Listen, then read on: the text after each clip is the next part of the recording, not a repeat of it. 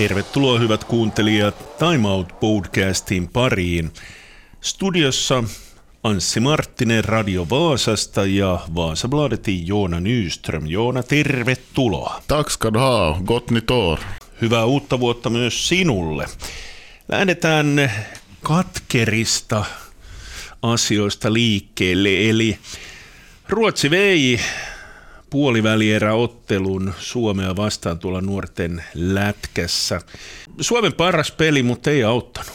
Nej, gjorde ju inte det. Jag satt och funderade nog både före och efter matchen att har, det har gått ganska länge nu sedan vi har åkt på en sån här riktigt sur käftsmäll av, av svenskarna. Jag tycker det har ju bara varit framgång och framgång och framgång och framgång i, i hockey. Men det hör ju till vårt ishockeymässiga kulturarv att vi ska ha de bittra förlusterna. Och så, nu fick vi räkna in en sån. Jag tycker att det var... Ja, det var ju helt 50-60 nog egentligen den här matchen. Finland startade bättre men det jämnade ut sig och, och, och sen så lyckades inte det här juniorlejonen då förvalta den här ledningen som man tog i början av tredje perioden. Att det blev, det blev lite för passivt, man sjönk ihop och, och, och Sverige kom åt till kvitter. Och, och sen förstås så finns det svårt, eller är, är svårt att hitta på ett jobbigare, tyngre eh, scenario än att Sverige ska göra då segermål i boxplay dessutom. Pitkään aikaan ei ole tarvinnut puhua siitä Hannu Hanhesta, mutta nyt kyllä oli semmoinen Hannu Hanhi tuo ratkaisumaali. Eli no toisaalta pelaajien pitäisi ottaa tuo kiekko vastaan. Siinä oli kaksi pelaajaa, jotka ei pystynyt pitämään tuolla hyökkäysalueella kiekko. Joo, Och sen just också att, att man inte klarar av till, till håll bort i mittzon. Det var den här Alexi Heimosalmi som fumlar lite med pucken. Och det var väl lite tal om att just där vid båsen så, så kan det vara ganska mjukt och det kan vara lite så här att det har strittat upp från isen där så att det kan vara svårt att hålla reda på den pucken. Men samtidigt så kom ju då Sveriges första center, Viktor Stjernborg, och han gjorde ju bra där. Han kom med, med kraft och tog, tog loss pucken och så var det mål. Så Sen så var ju en otrolig räddning av, av Sveriges målvakt och Carl Lindbom där på slutet då Joakim Kemell kom åt och provade den här det är stenhårda skottet sitt, men han plockar ju pucken, så det var ju, det var ju ganska stiligt, måste man ju, måste man ju medge. Jos mietitään kokonaisuudessaan Suomen otteita, niin ei ne kyllä hirveästi vakuuttanut. Det var väldigt spretigt, ja. Att jag, jag vet inte. No, man såg ändå skillnaden nu då, då de plockade tillbaka in sin första målvakt, Jani Lampinen, i den här kvartsfinalen. Att det blev genast tryggare det här försvarsspelet. Å andra sidan så kanske nu inte Sverige då matchar USA som, som Finland fick storstryk mot, mot nyårsafton. Så det är anfallsmässigt i, i bredden som finns. Men ja, jag vet inte. Det fanns kanske inte den här balansen som vi är vant att se i ett finländskt landslag. Att det fanns en tydlig spets förstås i det här laget, men det var lite grått och anonymt annars och, och, och, inte tillräckligt bra då över hela linjen för att är man tillräckligt bra så då ska man inte stanna i kvartsfinal och, och jag tycker att Finland ändå var favorit mot Sverige då man gick in i matchen. På pappret tycker jag att Finland hade ett snäppe bättre lag. Så inte är ju godkänt inte och förbundskapten då Tommy Lemse har nog en del till fundera på. Eh, spekuleras ju redan i att han borde ersättas förstås. Ett, ett namn som seglar upp direkt här i diskussionen var jag nu kollar nu i morse så det är som hastigast så är Olli Jokinen. Oho, joo, ei mikään paha, koska uskoisin, että Olli olisi aika hyvä noiden nuorten pelaajien kanssa. Joo, Suomen ja Ruotsin välillä oli tiukkaa, mutta niin oli myöskin Kanada ja Slovakian välillä yllättävän tiukkaa. No tietysti Kanadalla kaikki paineet ja jatkoajalla 4-3 voittoja. Onko nähnyt sen jatkoaika voittomaali? Oli muuten upea. Ja, det var det här, visst var det här Conor Bedard förstås kyllä, som gjorde kyllä. det målet. Det, var, det lär väl nog snurras lite här och var i, i det här highlight, highlight-sammandragen. Nog ett otroligt mål. Samtidigt lider man med Slovakien. Jag tycker Slovakien hade ett ganska charmigt lag i det VM och, och på något vis känns det roligt att de är lite på gång på nytt. De har haft några spelare som har gått högt i NHL-draften och de gör ett, de gör ett sett till förväntningarna ett, ett bra JVM. De var när, väldigt nära semifinal så att ja, jag vet inte, man, man gillar Slovakien på något vis. Joo, Pedard on tehnyt nyt turnauksessa kahdeksan maalia ja 13 maalisyöttöä. Onko hän tuleva supertähti? No, no finns det ju liksom väl, om man tänker på Conor McDavid nu som är den här dagens superstjärna, så det finns ju väldigt mycket Conor McDavid i den här Bedard. Han är jättesnabb, han är jätteskicklig.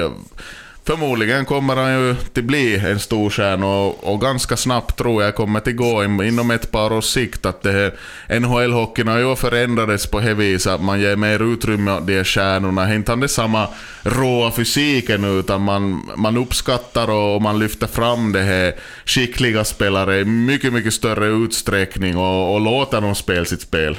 Muissa puolivälierissä Yhdysvallat murskas Saksan 11-1. Siinä ei ehkä ollut niin paljon yllätystä, mutta se, että Tsekki voitti Sveitsin peräti 9-1, niin mulle se oli pieni yllätys. Vai onko Tsekki noin kova? verkar som att det är och jag tycker de övertygar ju gruppspelet och de vann gruppen. Så att det är ju inte bara Slovakien, Tjeckien är också på gång. Så jättebra tycker jag att, att det jämnar ut lite det här spelfältet igen. Att det på något vis känns som att, no, nu till exempel då inte Ryssland helst är med heller, att det handlar om USA och Kanada och Finland mest. Men nu, nu ser vi ju att vi vi, vi får in de här lagen igen på, på, på en lite så jämnare front så att säga. Så det betyder bara att det blir bättre konkurrens, det betyder bara att spelarna får bättre matcher och, och alla vinner på i slutändan. Sitten puhutaan vaan sen sportista, sillä sportilla oli jälleen mukava viikko. Eli vaikka tuli vain yksi voitto, se niukasti Tapparasta 3-2 lukemi, oliko muuten toi Tapparan maali yliajalla tehty? No jag tycker nog att då man satt där och hörde slutsignalen så kom man så pass långt före pucken var över mållinjen så det kändes nog som att det var ganska klar sak att, att, att det inte var ett mål. Och det blev ju videogranskat och sen var det förstås Tappara-coachen Jussi Tapola påstod någonting om att de skulle ha startat klockan för tidigt. Och, och Risto Dufa då sportserna sa att nej, inte gjorde de inte. Och jag undrar ju som att har, har båda tränaren stirrat på klockan då, då är sista teckningen i matchen och allt ska avgöras. Jag har svårt att se att de faktiskt gjorde det. Mm. Sitten tosiaan Lukolta käytiin myöskin hakemassa piste Tapanin päivänä jatkoaika tappio tuli ja ehkä se katkerin pala oli tuo KK tappio voittolaukaus kisan jälkeen. Tästä taas tullaan siihen, mistä ollaan puhuttu aikaisemminkin. Pitäisi voittaa ne oikeat ottelut. ja, det är nog märkligt det denna. No, jag läst någonstans tror jag att KK har varit kanske till och med bästa bortalaget i ligan så här långt, men ändå inte på det viset gjort någon succé och Sport har nu förlorat tre gånger mot dem. Så att om man tänker just, jag var på plats också i, i Rauma och såg den här Lukko-matchen. Hur nära det var att Sport skulle ha vunnit där. Det var en ribbträff i förlängningen. Och liksom man vinner över Tappara, regerande mästarna. Och sen det här KK som inte bara går till vinn över på något vis. Men ja, vi får ju också se här om Lukko-matchen att, att Sport fick ju in två debutanter i, i laguppställningen där då, Santeri Harala och Eetu Apila, så att det här som jag har ropats efter nu väldigt länge, att, att det kommer inte upp några spelare, så såg vi en liten glimt av det åtminstone. Tällä viikolla on tiukka aikataulu, eli keskiviikko, torstai, lauantai ja kaikki vierasotteluja, eli Jukurit, Kalpa, Ilves. Äh, mitäs tästä nyt sanois? Vaikea viikko. Mä olisin tyytyväinen jopa kolmeen pisteeseen. Ja, och samtidigt är det ju minimum vad de skulle måste ta. Att mm. kanske, jag vet inte, Jukurit-matchen kan vara lite av en nyckelmatch här. Där borde kunna bli tre poäng och det kanske ger lite styrfart till resten av veckan. Kalpa kan vara jätte, jätte svår spela i, i Kuopio på, på stora isen där, flygfältet där. Alltså, sen är ju förstås då, Sport har ju gjort det bra i Tammerfors många gånger, men det är ju inte alltid nödvändigtvis betytt att det blir poäng, men ja... Ja, säg, säg att de tar fyra poäng av de här två första matcherna och sen är allt som händer i Tammerfors då med blir någon poäng bonus.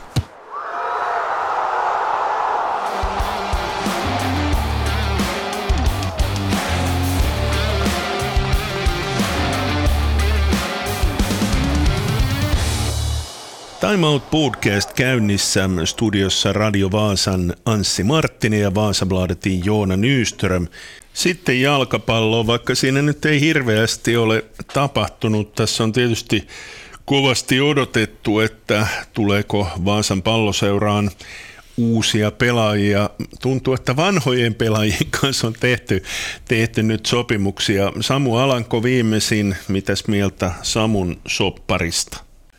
Ja, jag tycker att mot slutet av säsongen så, så visar sig Samu Alanko nog värdig till, till spel i ligan och till kanske just förläng med VPS så är en bra, bra, bra att en Vasapojk fortsätter i laget också och nu blir det ju, är det viktiga där då att han är fortfarande, inte är han ju någon lastgammal, att nu borde han som vänd på det här att han, han dippade ju karriären, gick åt helt fel håll då han for upp till Uleåborg. Nu ska jag börja, börja ta, ta steg framåt istället. Och, och han har ju nog visat någon sorts roll på kanten där han får vara offensiv, så är ju där, är ju där hans styrka ligger. Och nu får vi se då att, att kan, han, kan han ta en fast plats i startelvon. Vad kommer han till spel då på planen och, och hur, hur, hur det kommer att se ut för Alanko? Jos mietitään tota viime kauden joukkuetta, niin Seba on edelleen ilman sopimusta. Onko mitään tietoa, mikä on Strandvallin tulevaisuus?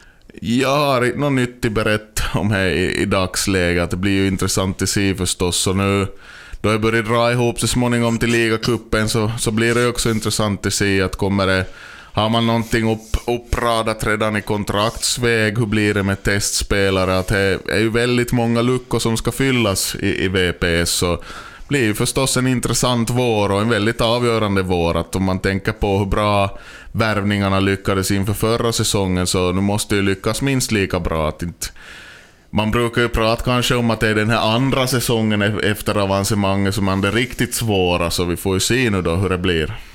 Kupsissahan kävi näytillä Silla ja Vahtera. Silla ilmeisesti pelasi vähän enemmänkin siellä otteluita. Jo, han har väl visst fått också beröm där av, av coach Valakari. Däremot så har ju Vahtera kommit tillbaka till Vasa och kanske redan två veckor innan julen. Och lite har jag hört något sorts ryktesväg att det kan nog bli ett nytt kontrakt med, med VPS trots allt. No, mutta Vahterahan olisi ainakin kunnossa ollessaan erittäin tärkeä pelaaja Vepsulla. Och är just som är, som är problemet, det ryktas ju att hans skador som han drogs med där under säsongen inte hell, ännu heller är riktigt bra. Så vi får nu se nu vad, vad läget är. Joo, tuossa kävi pari testipelaajaa. Mm, Onko kuullut mitään, että onko uusia tulossa ja miten näiden kahden kanssa nyt jatketaan? Nå, det känns som att, att de här två, den här målvakten då och, och ytterbacken som var här före julen, att det kanske nu inte var de här som kommer att stå först i kö. Och, och säkert kommer det att dyka upp testspelare nu. VPS börjar väl säkert träna om de har börjat redan igår eller om de börjar idag. Så att man måste väl ta pack sig iväg och se hur det ser ut. Sen verran täytyy puhua muiden joukkueiden pelaajavahvistuksista. Tai mistä sitä tietää, ovatko ne vahvistuksia? Jaime Moreno, Nicaraguan maajoukkuepelaaja. Sä olit sitä mieltä, että onkohan Veikkausliigas ikinä pelannut Nicaraguan maajoukkuepelaaja? Jag är inte helt säker på det. Men ja, det kan nog hända att vi har en första. Och förstås, om man en gång har kommit till landslagen, fast nu Nicaragua är, är någon så det är jättevåldsamt stor fotbollsnation, men nu är, nu är man ju bra på fotboll lite överallt i, i regionerna kring Nicaragua också och i Nicaragua säkert. Men vi får se. SJK har ju nog dragit en del nitlotter genom åren också med de här utlandsförstärkningarna. Och om man nu tänker på det här ur ett renodlat Vasa-perspektiv så höjs ju på nytt konkurrensen för Jeremia Sträng då. Vasa IFK-produkten som, som fortfarande håller till i SJK. Han var ju utlånad till USA här förra året, men nu ska han försöka på nytt kanske etablera sig som en ligaspelare. Morenon tilastot on aika mielenkiintoiset. En tiedä minkä tasoinen toi Nicaraguan pääsarja on, mutta 25 maalia 37 otteluskaudella, joka loppui muistaakseni toukokuussa 2022 ja tulee olemaan joko tähti tai täysfloppi. Ja, det ska bli jätteintressant att se nu sen då småningom då VPS spelar mot SJK i ligacupen, att vad, vad, vad, det här är för, vad är det här för lirare? Sitten lyhyesti vielä maastohiihdosta. Ehkä voisi sanoa, että Niskaset tulee olemaan maailmanmestaruuskisoissa meidän niin sanottuja luottokortteja. Helt klart, och, och speciellt nu sa ju Kerttu Niskanen sitt riktigt, riktigt vass ut. Att hon var ju bäst i spår i den här jaktstarten som kördes i, i Schweiz på söndagen. Att hon, hon slutade ju tvåa då, men att hon startade ju jättelångt bakom täten, 44 sekunder, så hon gjorde jättelopp där. Och sen får vi se med Ivo Niskanen nu då, det var andra tävlingen efter covidpausen han så det börjar se ut lite som, som det här gamla goda Ivo Niskanen, men jag tror man behöver vara orolig för hans form inför VM då i Planica som förstås är huvudmålet den här säsongen. Däremot så kanske man borde vara orolig att kommer det inte finns någon snö överhuvudtaget i Planica i slutet av februari.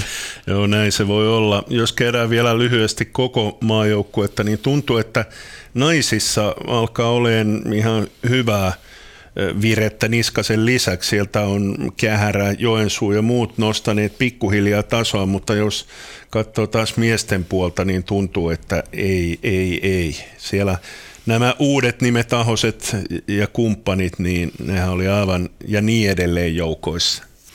Ja, och så var det förstås synd att den här Arsi Roskanen då föll bort. Han blev sjuk där, att man, vi fick inte se honom i, i det här sammanhanget. Men ja, det ligger någonting i det du säger och, och vi får se då om till exempel en Jasmin Joensuu som man tycker har funnits med där ganska länge, att kan hon ta ännu det här sista steget uppåt? Att det börjar vara lite avgörande skede i hennes karriär. Och sen om man ännu tänker på här sidan så är det ju förstås ett frågetecken nu igen med Joni Mäki, hur det ska bli med hans säsong när han lämnar bort från Tour de Ski för till trän istället. Men om vi minns så gjorde han ju likadant förra säsongen, i och för sig han blev sjuk då, men det gick ju ganska bra i OS efter det. Ja mielenkiintoista vielä naisissa on se, että kun tuntuu, että Anne Kyllönen putoaa maajoukkueesta ja nyt taas siellä oli ihan ok hiihdo esimerkiksi teki tuossa tossa niin takajossa.